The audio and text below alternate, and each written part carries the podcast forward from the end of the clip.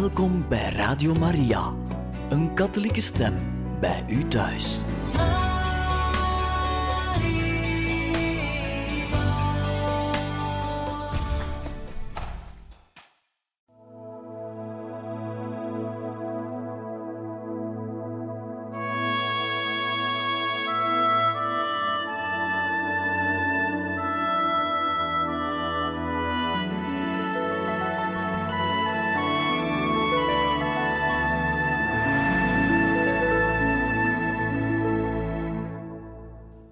Harte welkom, beste luisteraars van Radio Maria, bij het programma Heiligen Getuigen, waar wij u verder voorlezen uit het boek Mijn Heerlijk Leven, het verrassend geestelijk avontuur van de jeugdige Gabriel Possenti, geschreven door Edmund Burke. In een vorige aflevering waren we aangekomen aan het moment waarop natuurlijk Francesco Possenti, zoals hij heette toen hij geboren werd, ondertussen gekend is als de Gabriel van onze lieve vrouw van Smarten, ik zou zeggen de heilige Gabriel, maar hij is een heilige in wording. Dat konden we ook al horen in die vorige afleveringen door middel van de getuigenis van zijn geestelijke begeleider, Pater Norbertus. We zijn eigenlijk aangekomen bij het moment waarop hij een brief schrijft aan zijn broer Michael. Een brief in antwoord van een brief die hij ontving van zijn broer, waarin zijn broer insinuatie maakt van mogelijks een roeping te hebben of op zijn minst toch geïnteresseerd te zijn in het leven van de passionisten. En daarom wijdt Gabriel nog wat meer uit over hoe het leven van een novice passionist eruit ziet. En daarmee gaan wij vandaag verder. Gabriels druk bezette dag begon vroeg met op te staan voor de metten, kort na middernacht. En dat was iets wat hem sterk aansprak, en hij kon er dikwijls met veel gevoel over spreken. Hoe heerlijk is het, zei hij dan, om, terwijl heel de wereld in slaap gedommeld ligt, te blijven waken met de engelen en zich bij hen aan te sluiten door de lof van God te zingen. Het nachtelijk officie van de metten werd gevolgd door een half uur van stil gebed, waarna hij nog voor een uur of twee, drie naar bed terugkeerde, al naar het seizoen, en voor het overige van de dag waren de verplichtingen zo geregeld dat verveling en eentonigheid vermeden werden. Bij het luiden van de bel volgden de verschillende werkzaamheden elkaar in een vastgestelde orde op, waarbij het grootste deel van de dag aan studie en gebed gewijd was. Uit de bijzonderheden die hij in zijn brief aan Michael geeft, krijgt men een helder beeld dat het best in zijn eigen woorden kan worden weergegeven. En we citeren hierbij de heilige Gabriel. Als we s morgens zijn opgestaan, gaan we de getijden zingen, de priem en de terts, en twee missen horen. Dan keren wij terug naar onze kamers, maken ze schoon en krijgen dan wat te eten. We gaan weer naar onze kamers en elk besteedt twee en een half uur of meer aan zijn verschillende bezigheden, studie, schrijven of biecht horen of welke andere verplichting hij ook heeft. Dit wordt gevolgd door een kwartier geestelijke lezing en daarna vindt er een wandeling door de tuin plaats, die een half uur duurt. Dan gaan we naar het koor om de volgende twee getijden te zingen, de sext en de noon, en dan is het etenstijd. Na het eten is er ongeveer een uur recreatie, gevolgd door een uur siesta. We staan op voor de vespers en ongeveer vijftien minuten gemeenschappelijke geestelijke lezing. Evenals morgens besteden we de volgende twee uren aan onze persoonlijke bezigheden en dan volgt er weer een wandeling van een half uur. Op donderdag, zondag en vele andere feestdagen is er een recreatie gedurende heel de avond na de vespers. Na terugkeer bidden wij de completen, hebben een uur meditatie en dan avondeten. In de winter duurt de recreatie drie kwartier In de zomer duurt ze een uur. Dan wordt de rozenkrans gebeden en zo gaat de dag vlug voorbij in opgewektheid en vrede des harten. Michael was niet het enige familielid dat aan Gabriel dacht. Zijn zuster, Teresa, nog steeds bij iedereen van de familie bekend bij haar troetelnaam Theta, was nu met de rechter Pellegrini getrouwd. Zij had er haar zinnen op gezet eens een bezoek te brengen aan haar novice broer en schreef hem om hem van die plannen op de hoogte te brengen. Na Pasen hoopte zij hem in Morovale samen met haar man te komen opzoeken. Dat was een onvoorziene complicatie, en Gabriel was nogal ondaan over dat vooruitzicht. Terstond schreef hij aan zijn vader met het verzoek zijn bemiddeling te verlenen en het bezoek ongedaan te maken. U zult begrijpen dat iedere broeder zich niet anders dan gelukkig zou kunnen achten het bezoek te ontvangen van zulke lieve verwanten, maar ik voorzie dat een dergelijk bezoek mij geestelijk zeer overstuur zou kunnen maken. Ik zou gaarne zien dat u onmiddellijk uw best deed om het te voorkomen. Ik kan niet zeggen hoe dankbaar ik me voel voor hun vriendelijke bedoeling, maar om de genoemde reden zou het mij lief zijn als het tot later werd uitgesteld, als ik mijn noviciaat achter de rug heb. Ik heb ook beloofd dat ik mijn tante, de zuster, zal gaan opzoeken na mijn noviciaat, anders zou ik haar nooit eens leren kennen. In de wetenschap dat u bezorgd bent voor mijn lichamelijk en geestelijk welzijn, hoop ik, lieve vader, dat u dit voor mij zult willen doen. Ook al bedoelen zij het goed. Ik heb het vaste voornemen gemaakt mij gedurende het noviciaat zulke verstrooiingen niet te veroorloven, en ik ben van plan dit besluit na te komen, zelfs op het gevaar af voor onhoffelijk door te gaan. Denk vooral geen ogenblik dat dit mij is opgelegd of zelfs maar geadviseerd door mijn oversten, die daar vrij onverschillig tegenover staan en niets in de weg zouden leggen. Het is veel eer een gevolg van mijn eigen zwakheid en van mijn vast besluit om de duivel geen voet te geven. Lieve vader, ik verzoek u het mij te vergeven en voldoe alstublieft aan mijn verlangen.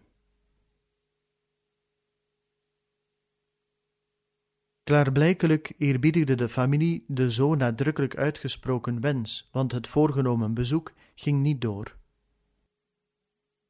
Maar Sante Possenti was verre van tevreden en greep iedere mogelijke gelegenheid aan om zijn klacht te hernieuwen dat hij niet genoeg nieuws van het noviciaat hoorde. Een paar maanden later, op 23 mei, moet Gabriel weer dezelfde verzekeringen schrijven. Dit keer trachtte zijn vader aan te tonen welke geestelijke vreugde hij in de kloosterlijke staat vindt. Een paar dagen geleden kreeg ik een brief van Michael. Hij vertelde mij het goede nieuws en voegde eraan toe dat hij in staat zou zijn spoedig naar huis terug te keren. Hij zei ook dat u zich weer zorgen maakte, omdat u geen nieuws van mij hoorde. Maar, vaderlief, wat voor nieuws kan ik u schrijven? U noemde bepaalde omstandigheden waarin ik u onmiddellijk zou moeten schrijven. Wel, goddank heeft zich zo'n omstandigheid nog niet voorgedaan. Mijn leven is één aaneenschakeling van vreugde. De dagen en maanden gaan gauw voorbij. Het is goed een heer en meesteres te dienen die hun dienaren dagelijks zo rijkelijk belonen, zonder nog te spreken van de eeuwige beloning, die zij ons in hun eindeloze barmhartigheid, naar ik hoop, zullen willen verlenen. Bij de gedachte aan iets dergelijks wordt alles prettig en gemakkelijk, zelfs wanneer het de uiterlijke schijn heeft van moeilijk te zijn. Het is een grote genade in Gods huis te wonen. Och, hoe goed weet de Heer zijn dienaren te belonen, en hoe helemaal anders dan de wereld.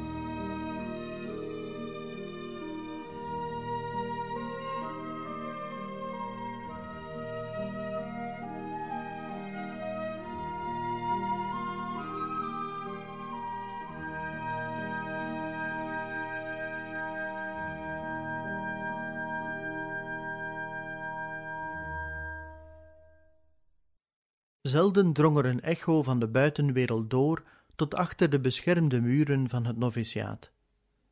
Maar in mei 1857 geraakte het kleine stadje Morovale in een ongewone staat van opwinding door een onverwacht nieuwtje.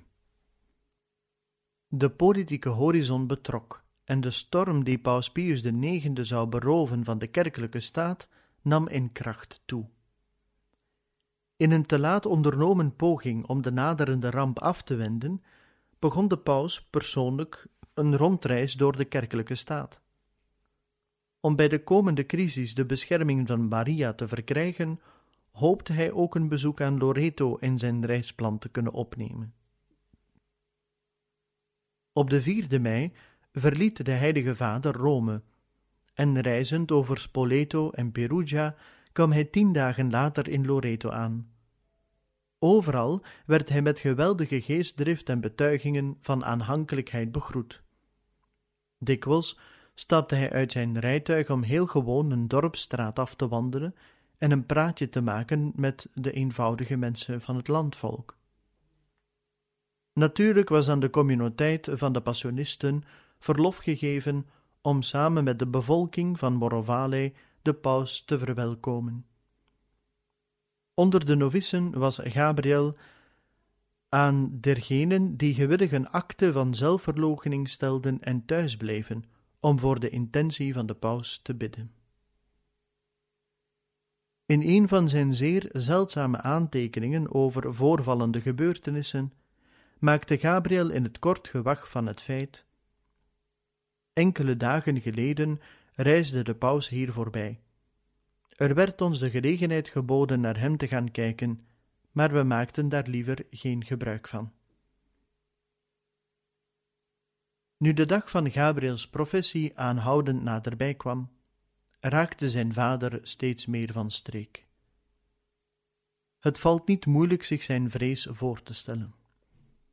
Als goed katholiek besefte Santi Pocenti zeer goed dat, wanneer Gabriel eenmaal de geloften had afgelegd, hij voor zijn leven lang in de dienstbaarheid aan het kruis zou zijn opgenomen.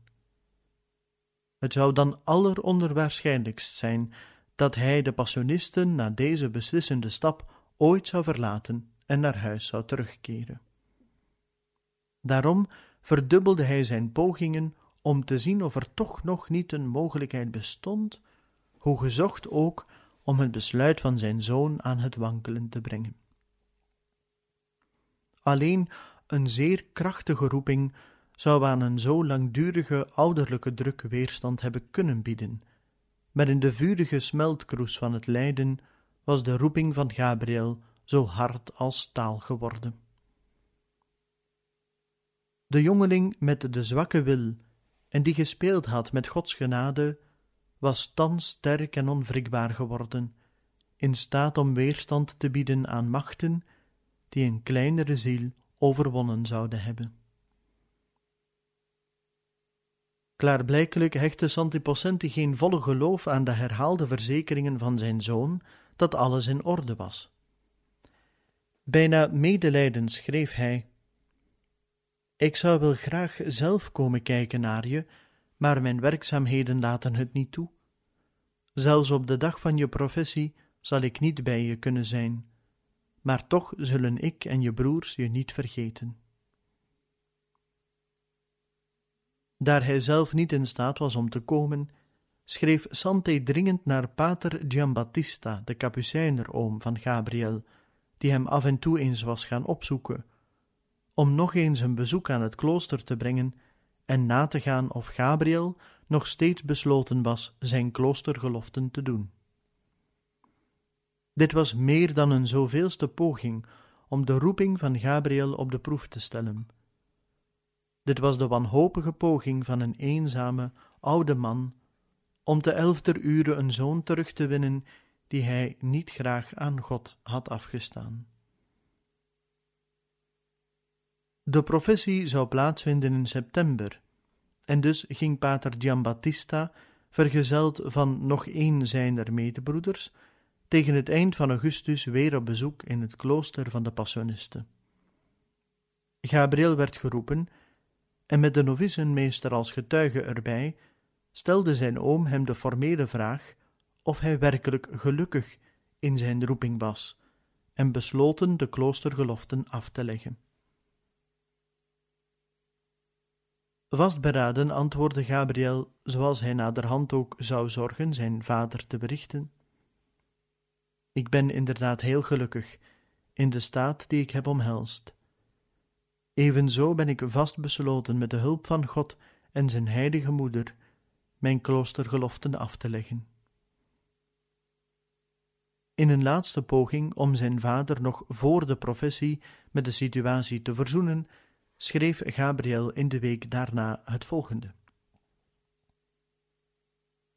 Ik herinner me heel goed, lieve vader, dat ik u beloofd heb naar huis te zullen terugkeren wanneer ik er ooit zeker van zou zijn dat de Heer me niet geroepen had om tot deze congregatie toe te treden.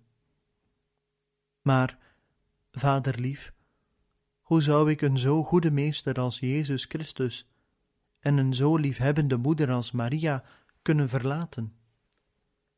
Zelfs hoewel ik slechts een nutteloze en onwaardige knecht ben, zelfs ofschoon ik niet ophoud hun heilige harten te bedroeven, besef ik niettemin dat zij alleen waarachtig geluk en vreugde van het hart kunnen geven. Ik verdien het niet. Ik ben een dergelijke genade inderdaad niet waardig. God weet dat ik dit meen met heel mijn hart. Uw wens om mij zo mogelijk weer te zien, vaderlief, heeft mij echt verheugd, zelfs als u niet naar mijn professie kunt komen.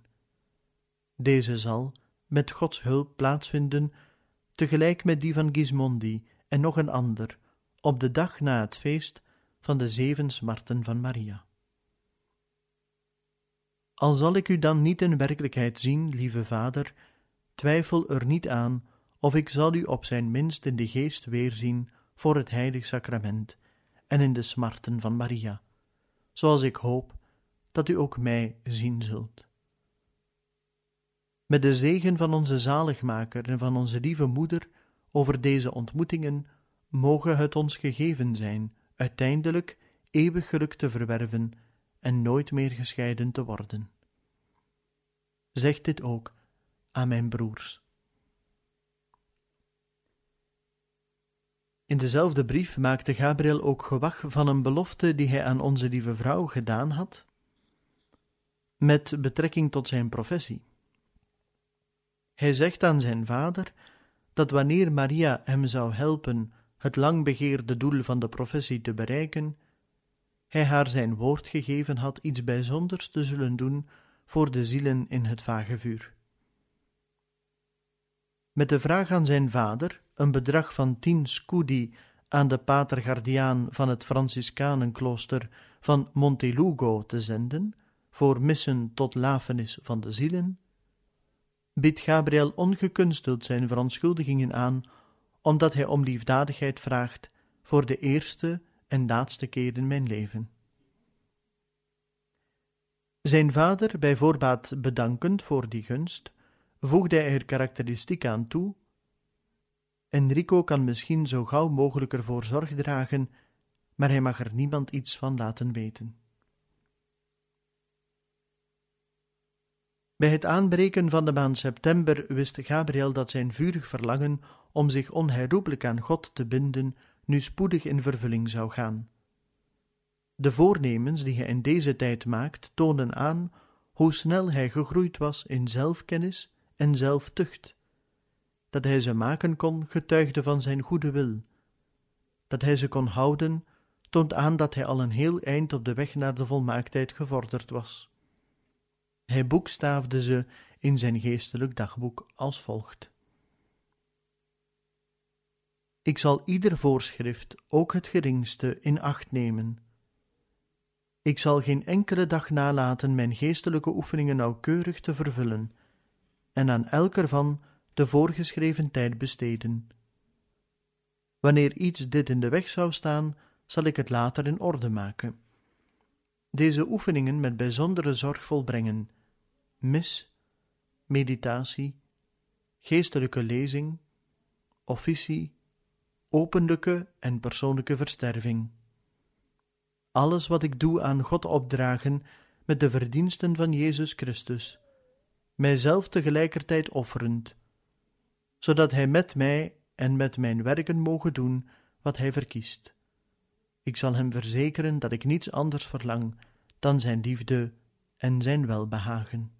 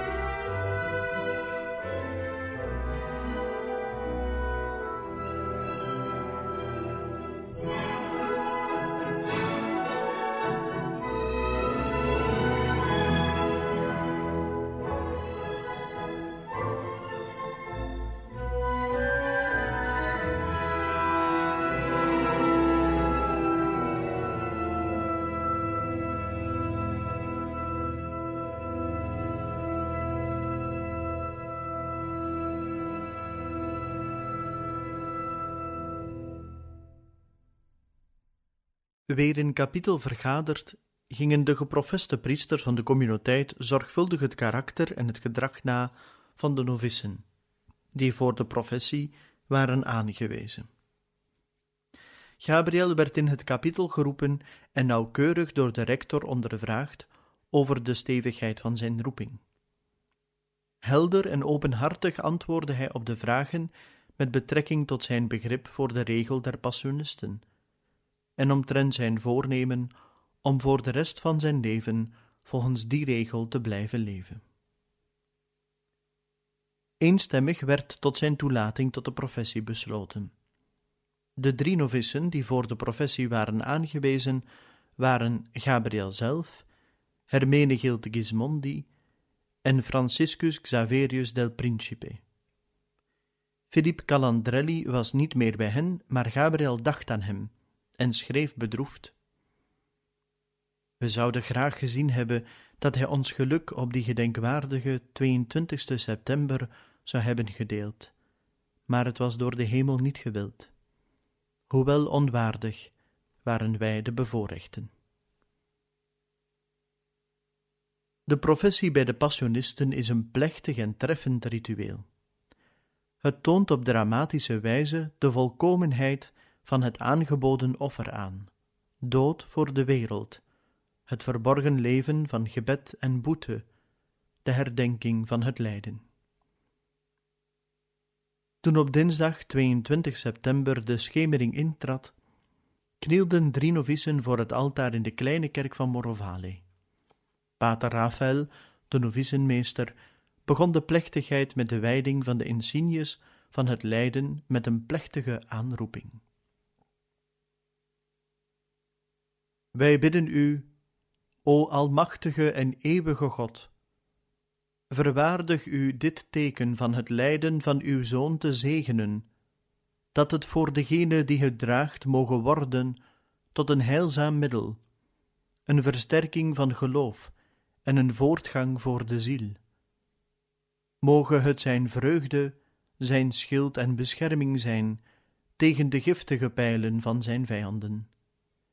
Heer, wij smeken u, door de verdiensten van Jezus Christus, geef dat het teken van de levensschenkende passie, dat uw dienaar voor eeuwig op de borst zal dragen, diep gegrift mag worden in zijn hart. Schenk hem de genade overal de versterving van het kruis met zich mee te dragen, steeds gekruisigd te leven in Jezus Christus, zodat het hem gegeven mag zijn dit teken ook in de harten der gelovigen te prenten en de devotie tot het lijden van uw Zoon onder hen te verbreiden.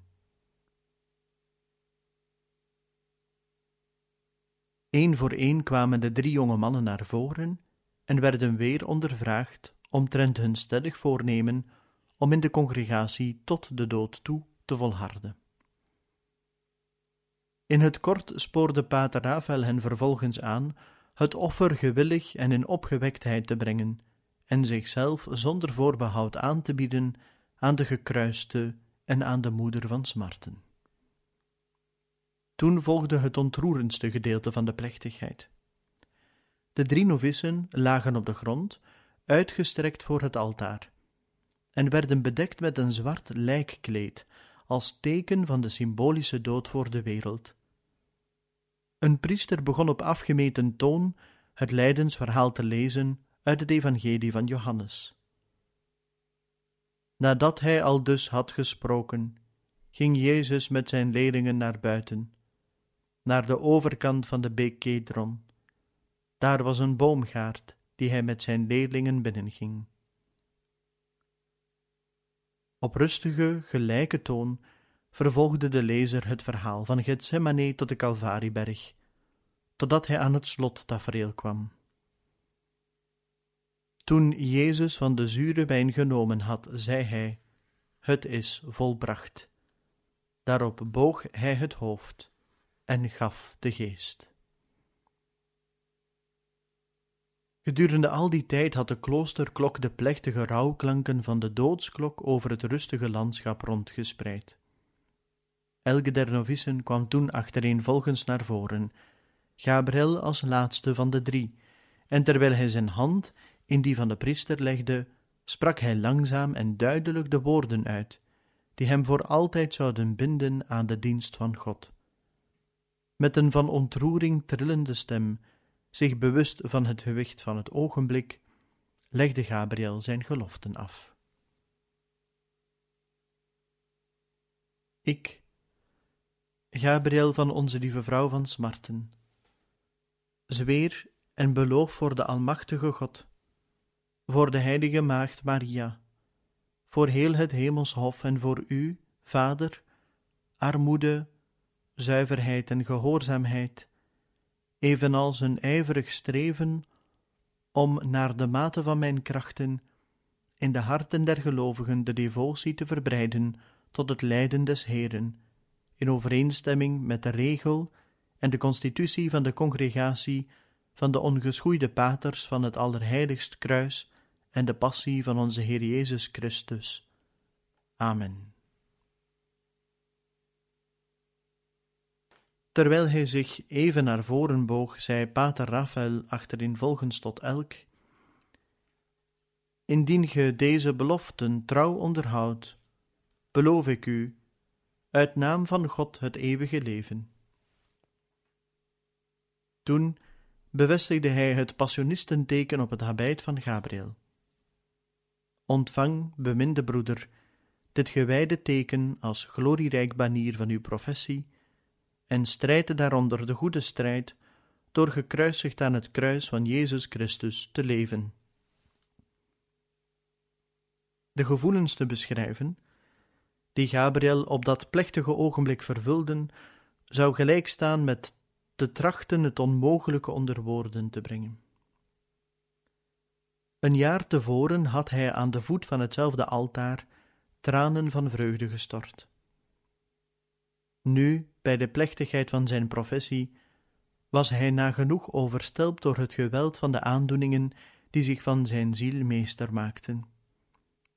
Zijn gezicht scheen ontvlamd, en heel zijn voorkomen was dat van een aardse serafijn gelijk.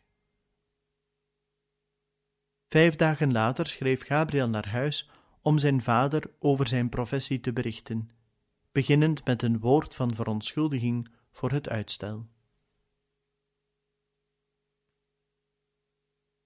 Het heeft u misschien verwonderd dat ik tot vandaag nog niet geantwoord heb op uw lieve brief van de dertiende. Ik wil u zeggen dat ik niet eerder kon schrijven dan de dag na mijn professie, daar ik in de retraite was. En ofschoon ik de 23ste schreef, was ik niet op tijd voor de post. Verleden dinsdag is, dankzij Gods genade en de bescherming van mijn van smart vervulde moeder Maria, mijn wens in vervulling gegaan. En tot mijn onbeschrijfelijke vreugde en troost heb ik mijn kloostergeloften afgelegd. Een dergelijke grote genade, lieve vader, kan nooit voldoende gewaardeerd worden. Nu ik zozeer door God bevoorrecht ben, neemt de verplichting om aan die genade te beantwoorden voortdurend toe. Ik laat het gaarne aan u over te beseffen hoezeer ik thans behoefte heb aan uw gebeden, evenals aan die van anderen. God en Maria hebben mijn professie gezegend en hebben mij met genaden overstelpt.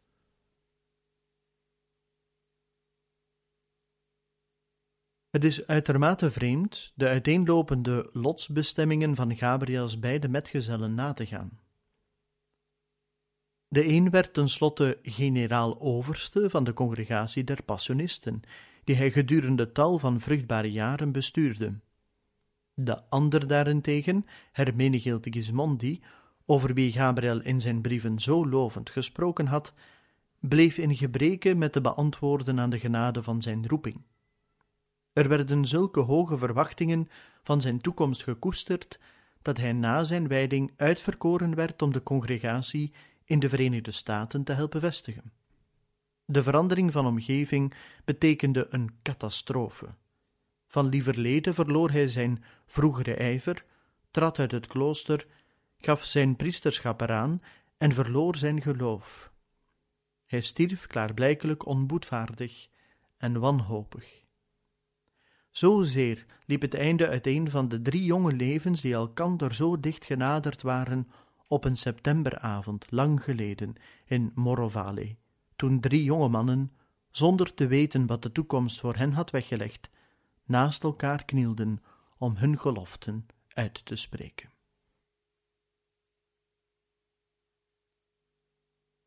En zo zijn we aan het einde gekomen, beste luisteraars van Radio Maria, van deze aflevering van het programma Heiligen Getuigen. De definitieve stap is gezet. De heilige Gabriel heeft zijn belofte uitgesproken om tot het einde toe, tot aan zijn dood, te volharden in de congregatie van de Passionisten. Een volgende keer gaan we verder in hoofdstuk 12. Een belofte vervuld en zullen we zien welke stappen deze Gabriel van onze lieve vrouw van Smarten neemt op de weg naar heiligheid. Dan lezen wij u graag verder voor uit het boek Mijn heerlijk leven, het verrassend geestelijk avontuur van de jeugdige Gabriel Possenti, geschreven door Edmund Burke. Van harte dank en nog een bijzonder fijne dag gewenst.